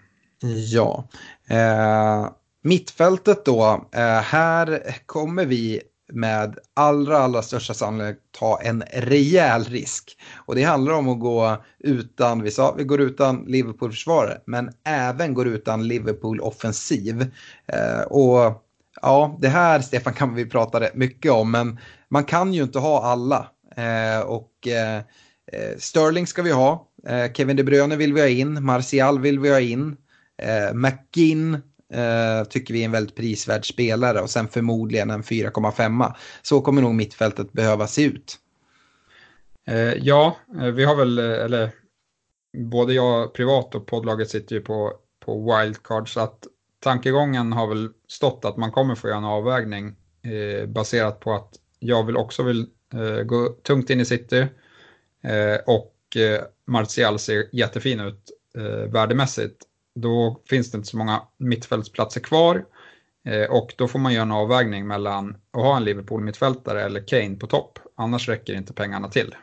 Mm, och då har vi egentligen avslöjat lite kring anfallsuppsättningen. Det vi kollar på är att ta in Kane, väldigt fina hemmamatcher här framåt och som sagt vill man ha offensiv täckning i Spurs så ser, ser eh, vi egentligen Kane som det enda vettiga alternativet just nu. Eh, och kollar man på våra befintliga forwards eh, där vi gick med 3 6,5 år så Eh, är väl King den enda som egentligen har presterat lite i och med att han fick rulla in sin straff nu i Game Week 2. Men jag skulle säga att eh, alla de här forwarderna hänger väldigt löst. Och eh, ja, eventuellt in med Rashford om man vill gå väldigt mycket all in på United. Det är jag inte helt säker på än. Det kanske räcker med van Bissak och Martial.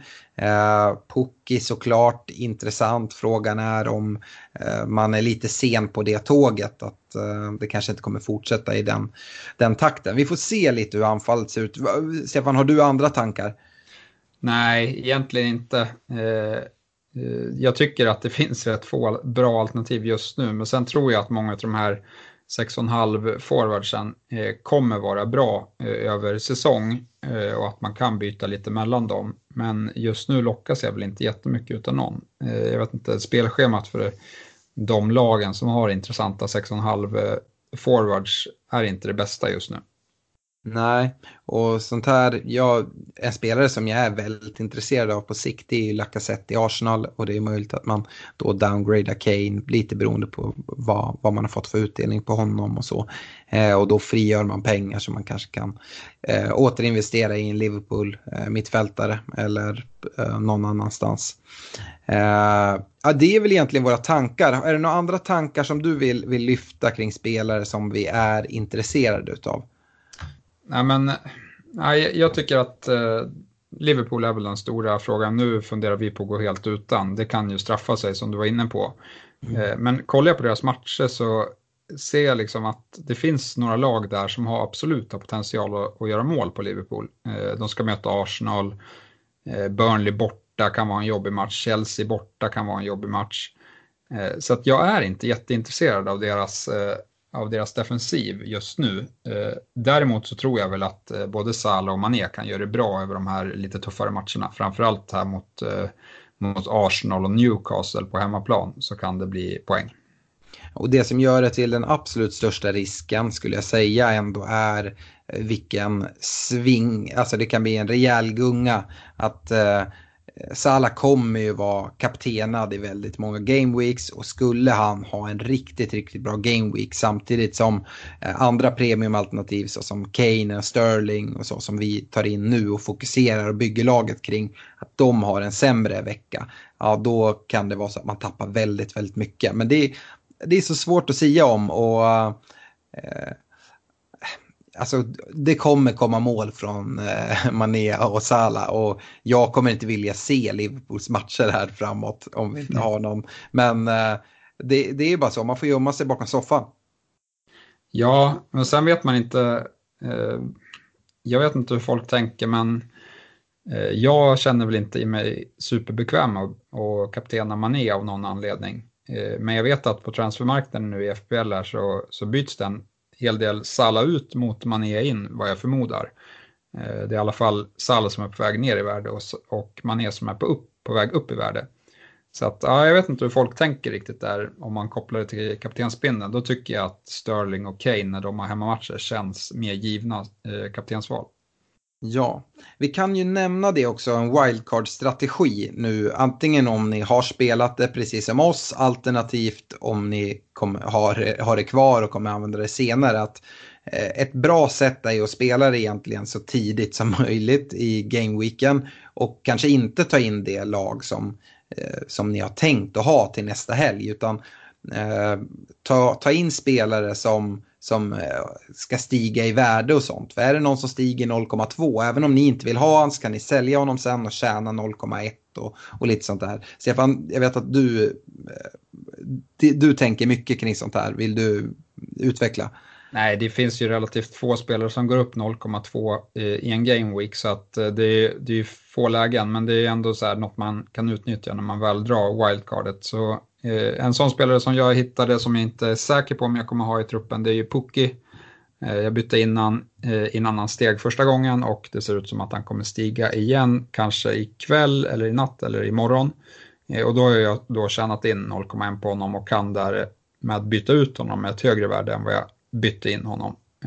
Men som sagt, jag vet inte, det finns rätt dåligt med alternativ på forwardsplatsen just nu. Jag kanske behåller honom och hoppas på att han ska gå upp ännu mer och på så sätt tjäna mer pengar på honom. Då. Eh, det kan ju även vara så att eh, en spelare som är på väg att sjunka i pris som man har i laget, som man ändå tror väldigt mycket på och vill ha, han vill man ju plocka ut innan han sjunker i värde. Och sen innan helgen kan man ju ta in honom då till ett lägre värde om det är så att man, man vill ha det. Det är inte helt omöjligt för ibland kan man se spelare sjunka i värde som man inte riktigt förstår varför. Nej men det är ju absolut, eh, det skulle jag säga är mer vanligt. Eh, och mm. det händer ju med, eh, som sagt vi hade 6-8 spelare i vårt bygge som eventuellt tappar i värde den här veckan. Och det var ju kanske så att vi inte hade velat göra oss av med alla dem. Eh, nu har ju ingen riktigt presterat där så att de ryker nog allihopa men eh, Eh, det kan ju vara så att man har suttit med någon som inte har tagit några poäng fast han har ändå sett lovande ut och man tror på honom. Han kanske har fina matcher kommande tre, fyra omgångarna. Då ska man ju byta ut honom och sen hoppas på att han sjunker i värde och sen ta in honom. Absolut. Det är väl ungefär det vi kan säga om wildcard-laget. Vi har i alla fall berättat lite tankar hur, hur de har gått hos oss och vad som gör att vi fattar beslutet, vilka spelare vi kollar mot.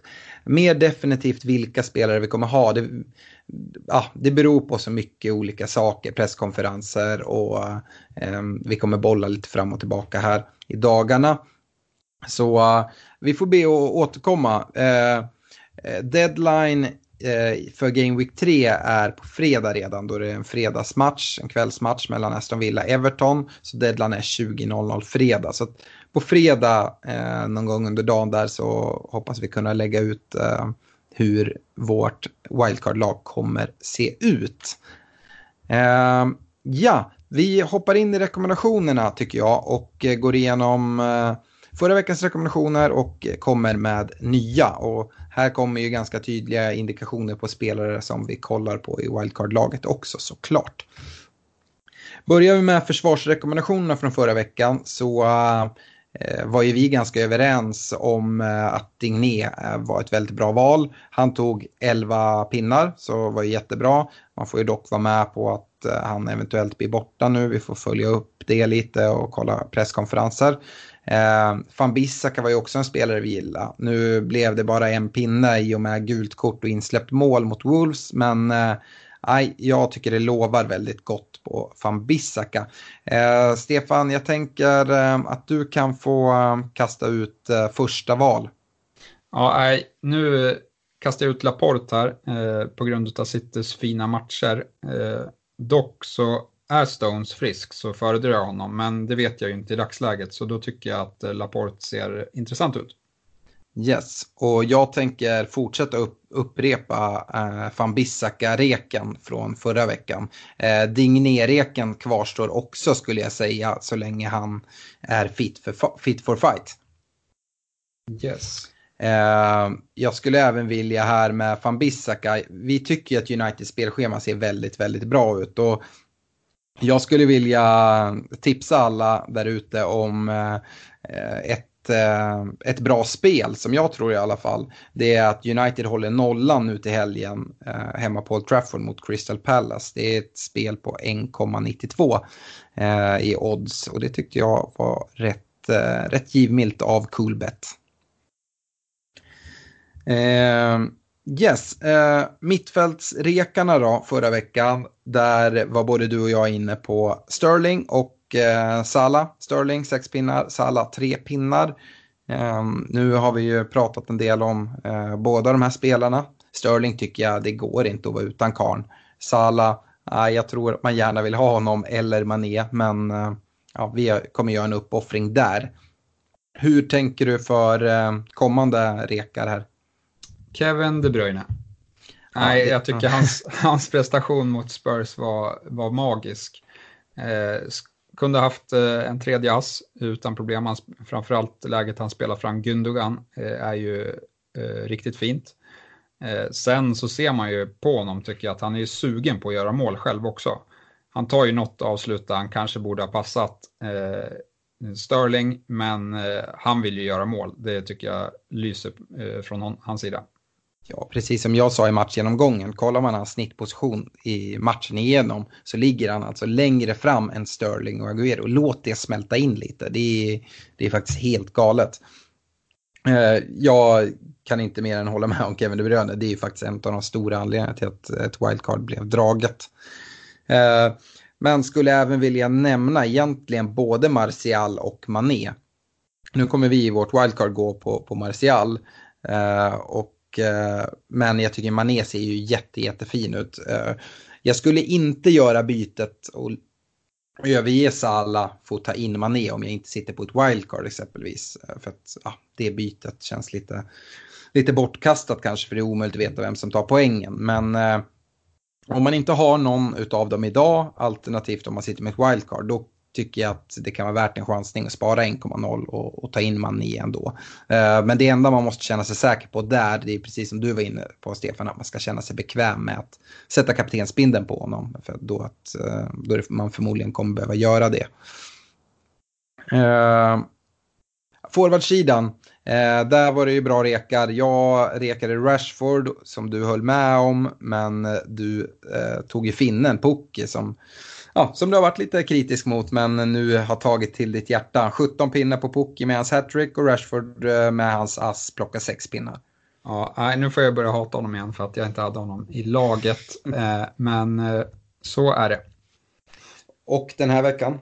Den här veckan så tänker jag så här att Harry Kane och motiveringen är väl egentligen ska man äga honom någon gång under säsongen så är det nu. De kommande Eh, fyra hemmamatcherna för Tottenham är mot Newcastle, Crystal Palace, Southampton och Watford. Alla de lagen tycker jag eh, har brister här i inledningen av säsongen. Och eh, varvat däremellan så har de borta matcher mot Arsenal, Leicester och Brighton och jag bedömer väl ändå Keynes chanser till hyfsat goda i de matcherna också. Yes, uh, ja, plus en på den. Men uh, jag upprepar Rashford-reken. Jag jag vet att det finns vissa tvivel eh, och jag tycker ju som sagt att Martial är ett bättre offensivt val i United än, än eh, Rashford. Eh, dels på grund av priset, dels för att han spelar mittfältare. Men som du var inne på så tycker jag inte det finns solklara anfallsalternativ som är jätteintressanta, bortsett från Kane med hans fina spelschema nu då. Men eh, Rashford och Martial, vem som spelar längst fram, ointressant. De byter platser med varandra. Jag tror att Rashfords chans att, eh, att få ta nästa straff är väldigt stor. Så uh, nej, jag, eh, jag tycker ändå Rashford är en, ett bra, bra val i anfallet. Vi går vidare med varningar och eh, från förra veckan så varnade både du och jag Stefan för att göra de här tidiga bytarna och ha tålamod. Det är lite extra roligt nu när vi drar ett wildcard redan i Game Week 2. Men eh, precis som du var inne på, spelare som Origi och Mares som gjorde det väldigt bra i Game Week 1, de fick eh, börja bänk här i Game Week 2 och kommer förmodligen sitta där, eh, i alla fall Origi. Men Mares kommer roteras hela säsongen tror jag. Eh, och ja, jag, jag tycker att ehm, eh, det, det är en väldigt viktig grej. Eh, samtidigt så kommer jag med en varning den här veckan eh, som kanske går lite emot det och har tålamod. Men det är, jag tycker att det är väldigt viktigt så här, i början av säsongen att vakta sitt, eh, sitt lagvärde. Eh, vi nämnde det som en stor anledning till, till vårt wildcard. Och eh, jag vet det att alla de säsonger det har gått bra för mig är, har jag haft ett jättefint lagvärde uppbyggt. Förra säsongen eh, kanonlagvärde. Och det, man har en rejäl fördel mot sina konkurrenter om man kan sitta med ett, eh, med ett högre lagvärde. I, i, eh, till våren så kan det vara så att det skiljer flera, alltså flera miljoner mellan ens eget lag och sina konkurrenter om man, om man har gjort det bra. Ja, man ska väl inte stirra sig blind på lagvärde, men som du är inne på så tyck, tycker jag är väldigt bra att, att tappa lagvärde på spelare i, i början av säsongen. Det är riktigt jobbigt, för man tapp, för varje 0,1 som man tappar så förlorar man ju hela, hela pengen. Eh, men däremot spelare som grupp får man ju bara igen eh, 50 procent av uppgången. Så att eh, det är ju viktigare att inte ha spelare som går ner här i inledningen än att haka på alla pokis som kommer och gör succé i början av säsongen. Ja, och ha en spelare som tappar 0,1, ja men det är väl inte hela världen. Men om det ser ut som det gör för vårt poddlag nu, att som sagt det kan vara upp till åtta spelare som tappar i värde, då är vi nästan eh, 1,0 back. Så att eh, det är ett stort, stort problem. Så jag tycker att man måste vakta det. Precis som du säger, stirra er inte blinda på det, men vakta lagvärdet. Yes, och eh, jag har valt ett lag som jag vill varna lite för och det är Leicester. Jag tycker att eh, jag hade förväntat mig mer av dem i här inledningen av säsongen. Det kändes som att de hade en perfekt försäsong. De var, eh, hade gjort tidiga eh, värvningar, de gick in i säsongen eh, väl förberedda. Men har inte riktigt lossnat. Visst, de gjorde en bra halvlek mot Chelsea eh, borta här nu senast. Eh, men det tror jag mycket berodde också på att eh, Chelsea blev väldigt, väldigt stumma. Eh, har man, som jag var inne på i matchgenomgången, Leicester-spelare nu då väntar man två omgångar till, men sen blir ju spelschemat riktigt svårt och eh, då eh, gör man bäst i att undvika. Ja, jag förstår helt eh, den varningen. Eh, om vi går in på kaptensvalen från förra veckan så var det ju Salah och Sterling och det har vi redan diskuterat. Sterling trumfade ju med sex pinnar, Salah tog tre. den här veckan tänkte jag göra det lite annorlunda här. jag tycker att flera Eh, alternativ som sticker ut lite grann. Och eh, jag tänkte att jag, vi pratar lite kring några väldigt populära kaptensval vad jag gissar den här veckan och sen därefter så ser vi lite vart, vart vi landar om vi håller med varandra. Och eh, jag tänkte börja i Manchester City och då med eh, Raheem Sterling. De möter ju Bournemouth borta. Och jag gillar verkligen tanken på Sterling som kapten i Game Week 3. Eh, Bournemouth som eh, endast har släppt in två mål i de inledande matcherna borde ha släppt in mycket mer. Eh, sett till de chanser de släpper till. Kollar man in i, i statistiken och så, så är det de som har släppt till näst flest stora chanser av alla Premier League-lag. Det är bara West Ham som har släppt till fler och då mötte ju West Ham City i första gameweeken och det blev väldigt mycket där. Eh, Bournemouth, de har faktiskt endast mött två nykomlingar i Aston Villa och Sheffield United som knappt knappast är speciellt offensiva eh, lag. Ändå så har de släppt till eh, näst flest lägen. Gör de det mot City, vilket jag tror att de kommer göra med en Kevin De Bruyne i hög form som kommer servera bollar och en Sterling som också har visat sin form. Ja, ja caset för Sterling är inte svagt. Jag vet att det är en bortamatch, men det spelar ingen roll i det här fallet, tycker jag. Eh, dina tankar kring Sterling, Stefan? Nej, du målar ju upp det fint här. Eh, men, men jag vet inte om jag är mest sugen på honom den här veckan ändå. Eh, Nej. Nej, jag tycker att det finns väldigt bra kaptensalternativ på annat håll. Mm, jag kan gissa att du tänker på Harry Kane i Tottenham som möter Newcastle hemma.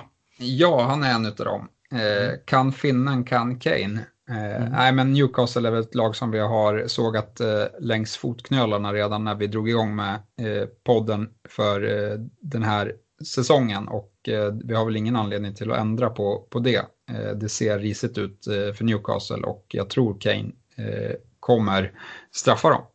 Mm. Eh, jag tycker att det är svårt med Tottenham. Det är svårt att dra allt för stora växlar från matchen mot City Eh, eftersom att de blev totalt utspelade. I första matchen däremot mot Aston Villa som kanske är mer liknande motstånd som Newcastle så såg det väldigt trögt ut och det var först i slutet som det lossnade. Det brukar det vara så för, för Tottenham eh, att det är i slutet av matcherna som de, de gör några mål. Eh, väger jag Sterling Kane mot varandra så tiltar jag över till, till Sterling eh, och jag är ganska säker på att jag kommer göra det valet i mitt privata lag. Sen vet vi ju min, eh, Eh, min historik kring kaptensvalen. Men eh, så här, jag kan absolut se Kane göra ett hattrick hemma mot Newcastle. Det kan jag. Kane har ju hattrick i sig, det vet vi. Men jag kan lika väl se Kane blanka mot Newcastle eh, och att Tottenham har en liksom dålig, dålig afton.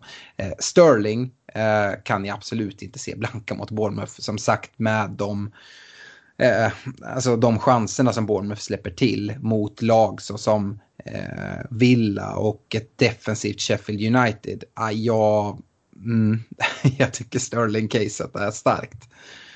Nej, jag, jag, håller med. Jag brukar, jag, det, det, är väl en nackdel. Jag gillar inte att kaptena forwards för att det, de måste leverera mål, annars eh, missar de bonusen och så blir det inte så mycket poäng. Liksom.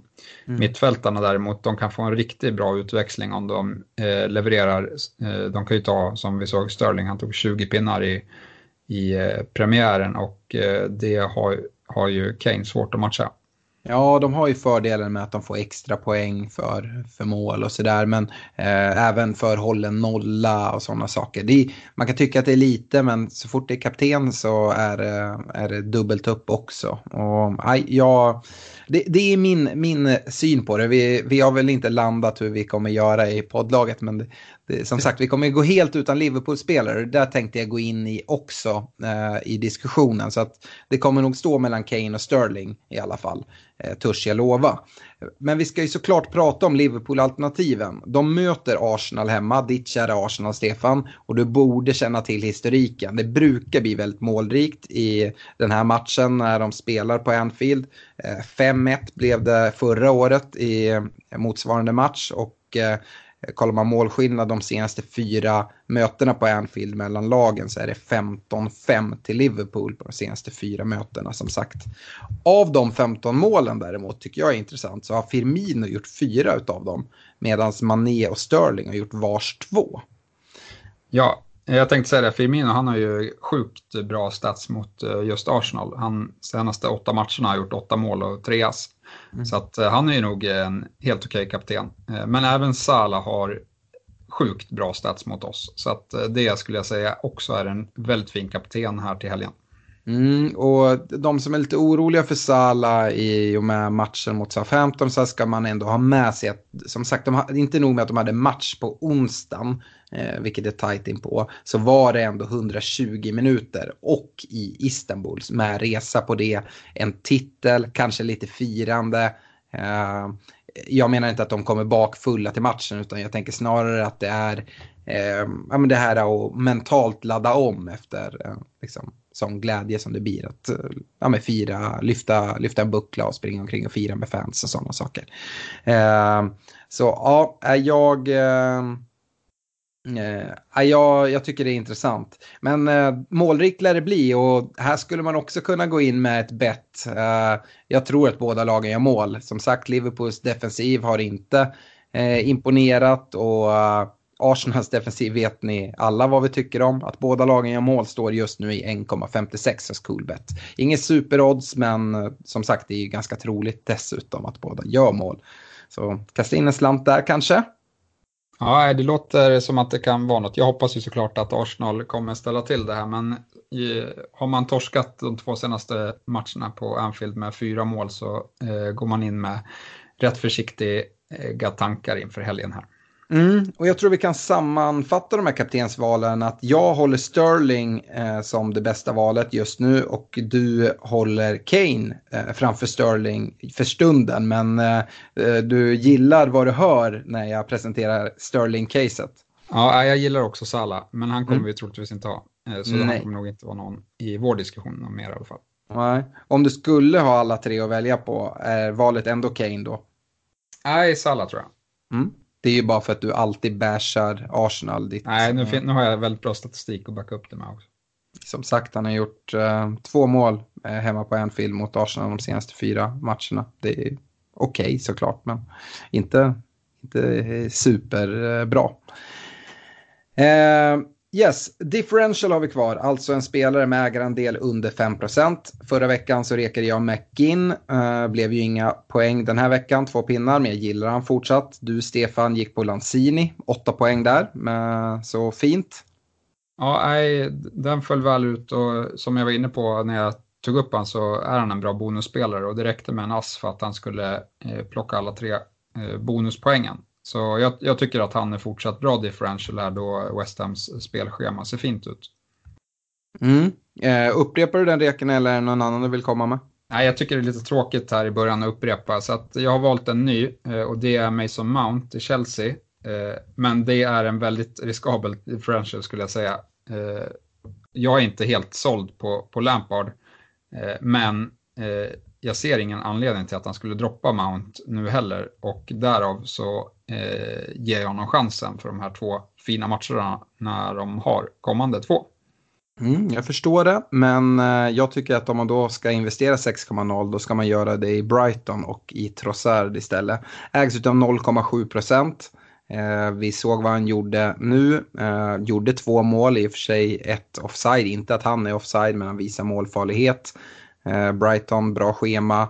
Eh, jag gillar Trossard. Eh, ska även nämna att jag tycker att Cantwell i Norwich som 4,5 spelare eh, han ägs av 2,9 procent. Jag tycker även att det är en, en väldigt bra spelare om man vill frigöra pengar. Jag, nu är inte alla så drastiska och drar ett wildcard, men eh, det är många som har sparat ett byte och kanske gör tre byten där man behöver spara pengar någonstans. Då tycker jag att Cantwell är en sån spelare som, som kan gå in på ett mittfält.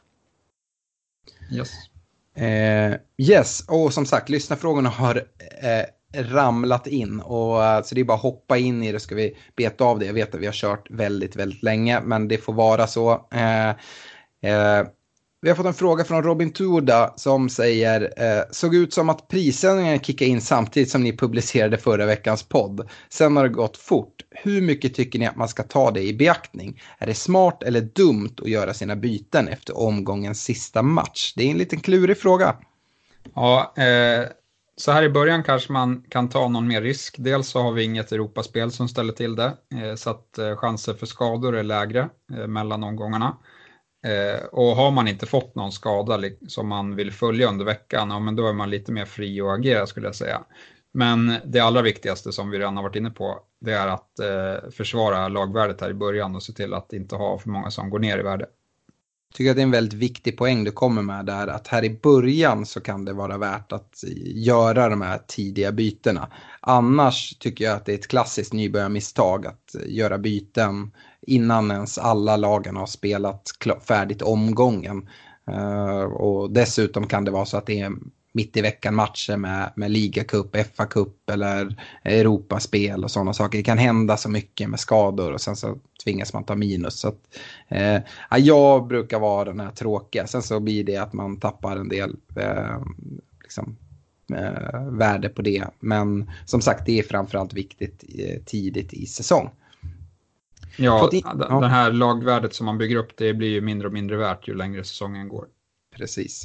Eh, fått massa frågor kring Liverpool och jag tycker att vi kan gå in lite på det. Martin Salin eh, är inne på det. Räcker det med Mané istället för Salah fram till ungefär Game Week 13? Kommer ändå köra kapten på Sterling typ 9 av 11 veckor?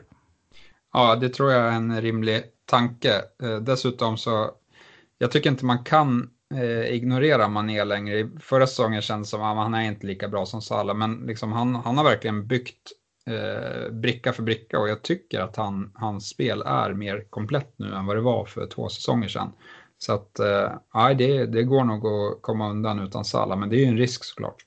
Ja, vi fick ett mail här från Finland faktiskt, en kille som heter Jonathan Nyman som också sa det som jag tycker är bra att poängtera med Mané. Han sa det, vågar man gå utan Mané nu som är känd för sina streaks och dessutom har börjat visa upp assistpotential. Eh, jag tycker att det är Eh, faktiskt väldigt intressant. För Mané är en sån spelare som går in i streaks då han verkligen bara bombar på. Eh, och han verkar vara igen nu. Ja, jag vet inte. Han, jag skrev ju av honom lite inför säsong då han hade haft så kort eh, försäsong. Han hade väl en eller två veckors vila mellan Afrikanska mästerskapen och, och Liverpool-säsongen. Så jag trodde att han skulle vara lite sliten, men eh, det verkar vara tvärtom. Han verkar vara i jättebra form. Mm. Eh, Fredrik Norrström skriver, eh, borde vi börja spana mot Firmino med tanke på hur vass han ser ut? Ja, eh, som, som jag var inne på, åtta, åtta mål på åtta matcher mot Arsenal, så eh, det kan nog bli utdelning till helgen. Men eh, i övrigt så tycker jag att Mané och Salah trumfar honom ändå. Mm. Samtidigt har vi varit inne på att det finns ganska få anfallsalternativ som vi lockas av och att Firmino skulle kunna vara ett sätt att om man som vi då väljer att inte investera 11,5 eller 12,5 i Mané eller Salah att istället för att köra både Martial och Rashford så det skiljer ju bara en eh, 1,0 mellan Rashford och Firmino om jag inte har helt fel. Man kanske får in honom där. Ja, eh, nej men det kan vara en tanke. Det som mitt största problem det, det, är att jag tycker att Origi har imponerat när han har fått chansen och eh, jag tror att han kommer få rätt så många inhopp och då ofta på bekostnad av Firmino. Mm. Nej, det är bra, bra poäng. Eh, ja, eh, Magnus Williamson skriver, har Robertson gjort sitt nu när, eh, så länge Allison är skadad och även Anton Hofstadius och Andreas Sumpa Sundberg fyller på att de vill frigöra pengar genom att ta ut en av två Liverpool-försvarare. Eh, och vem bör man då behålla? Ja, nej, det är väl eh, Robertson som, om man har honom, som jag skulle offra. Dels är han på väg ner till, i värdet 6,9, vilket inte är optimalt. Eh, plus att eh, jag tycker att så länge Trent eh, visar att han spelar vecka efter vecka så håller jag honom högre och van Dijk är billigare och eh, eh, har visat upp en stor målfarlighet. Så eh, jag, Robertson är den av de tre i alla fall som jag skulle offra. Om man har Trent och van Dijk, tycker du då att man ska offra den som är dyrast, det vill säga Trent för att sitta kvar med van Dijk eller tycker du ändå att Trent ska vara kvar?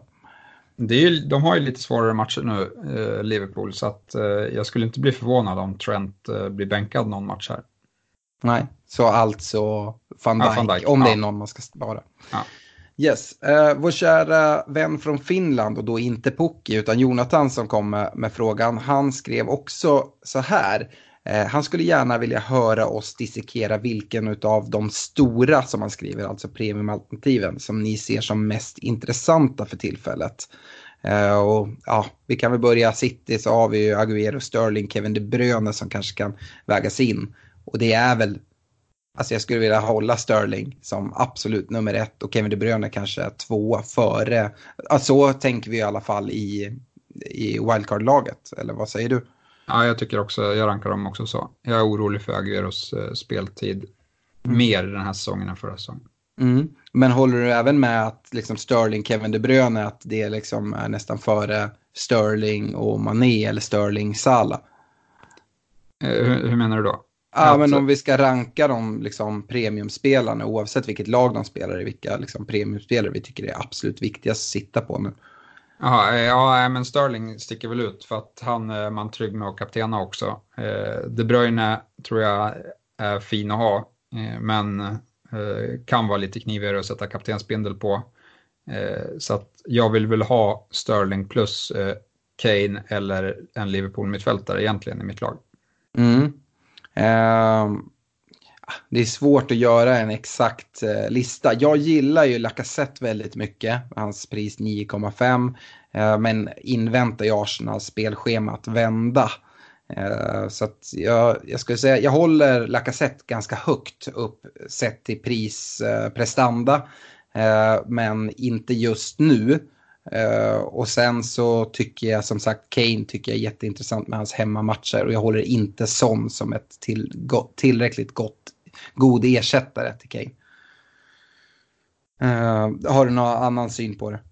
Nej, jag tycker också om man tar det i vårt perspektiv då att uh, ha wildcard nu. nu. Nu har vi inte råd att kör på någon kortsiktig lösning här utan nu ska ju alla våra val kännas bra och då kan vi inte välja Son som vi inte har sett spela än. Eh, det är väl den korta analysen av Son. Han kanske visar sig vara i superform när han kommer tillbaka men det vet inte vi.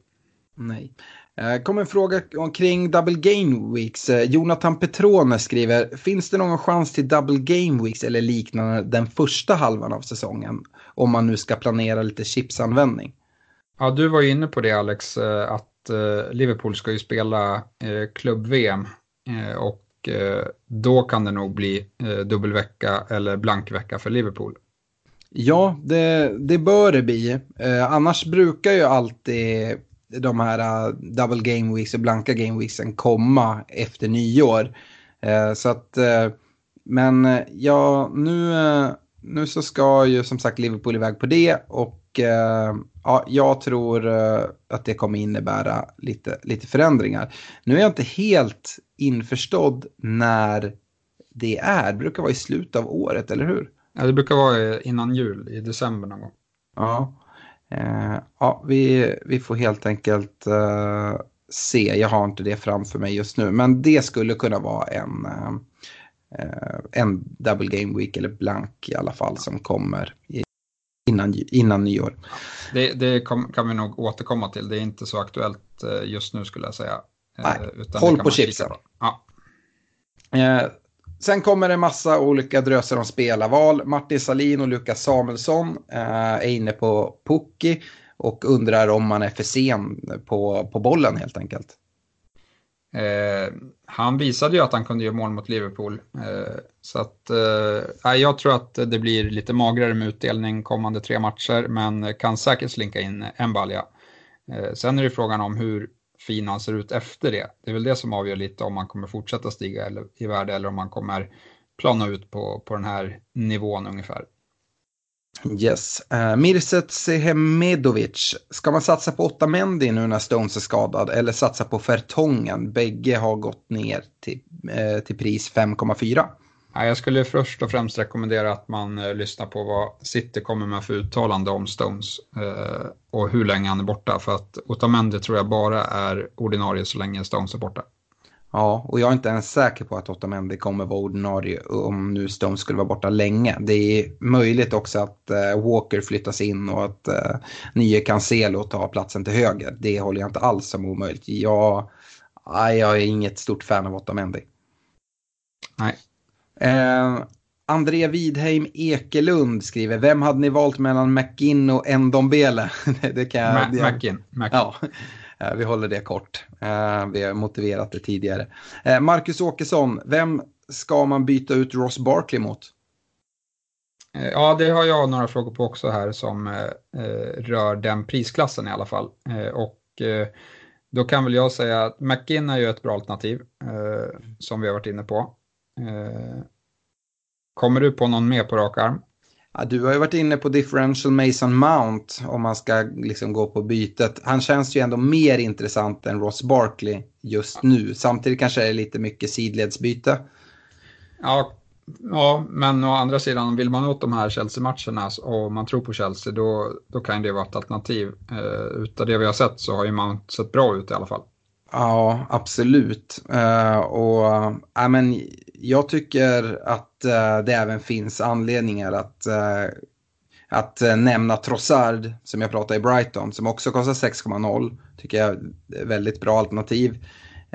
jag, jag gillar ju även att eh, möjligheten att spara in pengar och då exempelvis ta in Cantwell i Norwich. Om man nu inte, jag kanske inte tar in både Cantwell och Pookie, men att ta in Cantwell om man nu tycker att Pookie-båten redan har seglat så skulle det kunna vara någon, få frigöra pengar och kunna uppgradera någon annanstans. Det skulle jag också vilja nämna. Ja, eh, men jag tycker, om jag vill bara, så tycker jag McInn och som du sa, Trossard är de bästa valen om man som sitter med Barkley, då känns det som att man vill göra ett snabbt byte. Eh, då tycker jag de trumfar. Sen tycker jag att man ska bevaka Mason Mount och eh, Ceballos i eh, Arsenal då båda de kommer få finare scheman här och vi kommer få mer information om deras status. Ja. Eh, och det här, det, här, besvarar även Pontus och Andreas fråga samt Simon Nilssons fråga om, som vi har fått in på Twitter. Yes. Eh, Fredrik Norrström eh, kolla på att nedgradera en Liverpool-back till 4,5. Han undrar om vi hade gått på Dunk eller turken i Leicester, vad heter han, Syunko. Eh, ja, Dunk kanske på kort sikt, men jag tycker att eh, turken i eh, Leicester, se, han har imponerat eh, nu när de har tappat Maguire, så har han gjort det bra. Eh, jag tycker dock att deras spelschema är lite för knivigt på lite längre sikt, men två bra matcher nu kommande två då. Mm. Christian Olsson och Martin Berg undrar ungefär samma sak. Vågar man sitta kvar på Bernardo Silva överhuvudtaget eller kommer han vara ett offer för rotationen? Jag vet inte. Han, han, eh, han kommer nog spela mer än Mares i alla fall, men han, han lär ju roteras.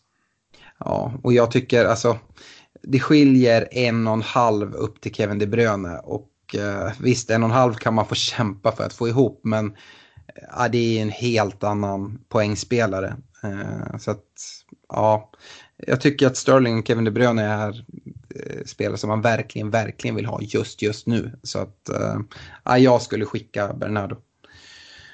Eh, Alexander Haukirauma skriver, vad tror ni om Mares? Får han någon speltid i år? Du var inne på att eh, Silva förmodligen kommer få mer. Ja, ja, det, det, tror jag. Så såg det ut i fjol och jag ser ingen anledning till att eh, det kommer ändras. Pep älskar vad Bernardo Silva eh, tillför. Han, framförallt är han ju grym i den offensiva pressen. Mm. Eh, Andreas Sumpan Sundberg, här vill jag ha, liksom gå in och förtydliga lite. Han har sagt, har inte sett Burnley så mycket, men vet att ni förespråkar Wood. Tror ni det lossnar eller är det han man ska byta ut? Han har Jota och King i anfallet i övrigt, alltså precis som vårt poddlag innan wildcardet. Eh, vi har ju förespråkat Wood inför säsongen. Eh, men Barnes har ju sett mycket, mycket hetare ut. Så att om man ska välja någon nu så förespråkar vi inte Wood. Eh, men eh, ja, jag... Ja, det är svårt att veta om man ska tro att det lossnar eller om man ska byta ut honom. Jag tycker att du har ganska stora problem i anfallet. Det är samma problem som vi har. Jag lider med honom, precis som jag lider med poddlaget och mitt privata lag. Så eh, det är inget kul eh, att sitta Nej. på dem just nu. Nej. Eh, Jonas Olsson är inne på Mount precis som du. Han undrar om det kan vara en bra joker men nämner även Ceballos i Arsenal. Ja, som sagt, eh, Mount är den jag skulle gå på utav de två nu då, men det är, jag säger, jag, det är en stor chansning. Då Lampard eh, roterat mycket i fjol och eh, kan säkert rotera en del eh, i år också. Eh, och Mount har ju kommit från ingenstans så att eh, eh det, det är hög risk, hög eh, utdelning kan man väl säga. Ceballos eh, avvaktar jag tills spelschemat ser bättre ut innan han känns aktuell. Mm.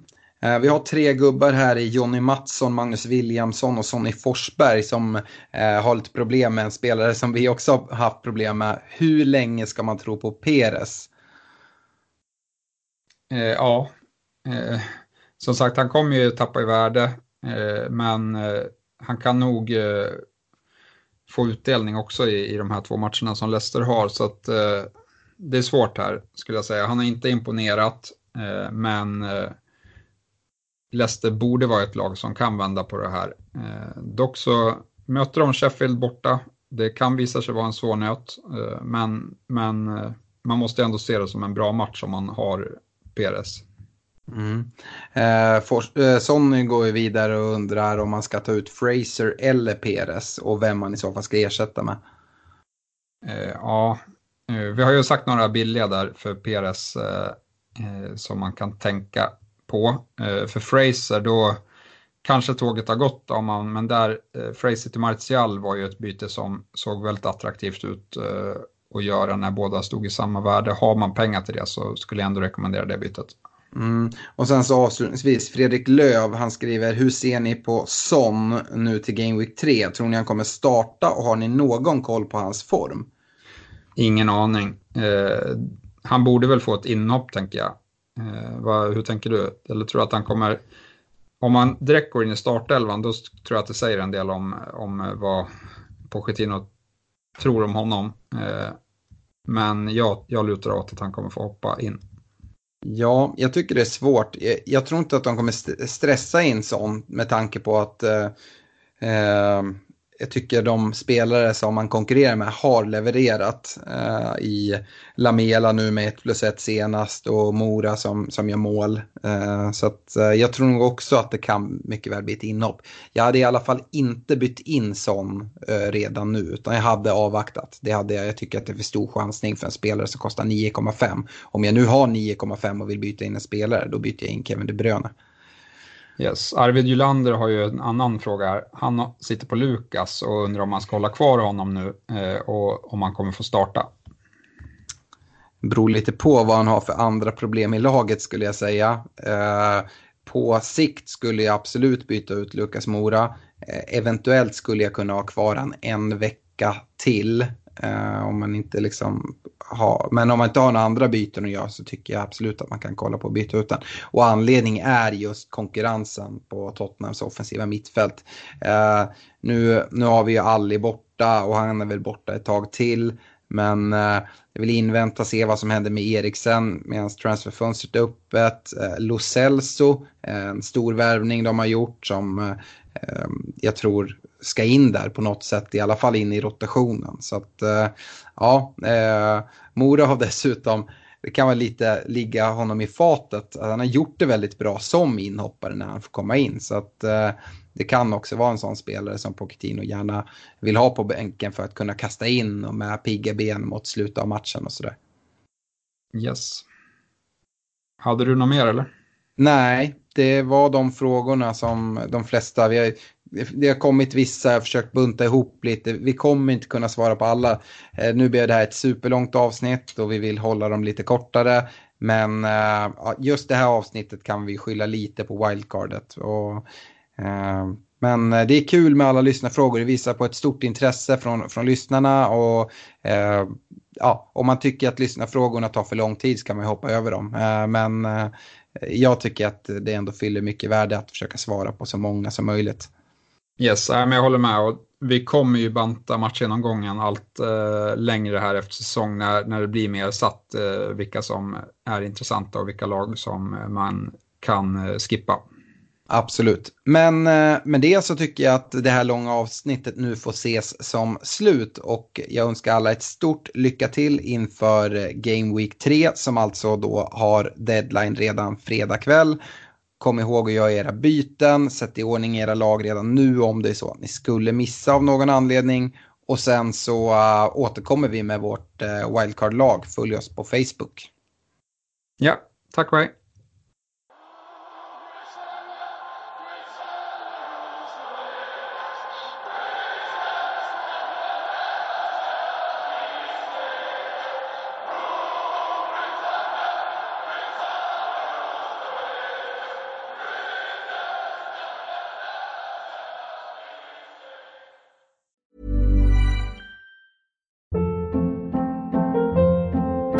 Hold up. What was that? Boring. No flavor. That was as bad as those leftovers you ate all week. Kiki Palmer here, and it's time to say hello to something fresh and guilt-free. Hello Fresh. Jazz up dinner with pecan-crusted chicken or garlic butter shrimp scampi. Now that's music to my mouth. Hello Fresh. Let's get this dinner party started. Discover all the delicious possibilities at hellofresh.com.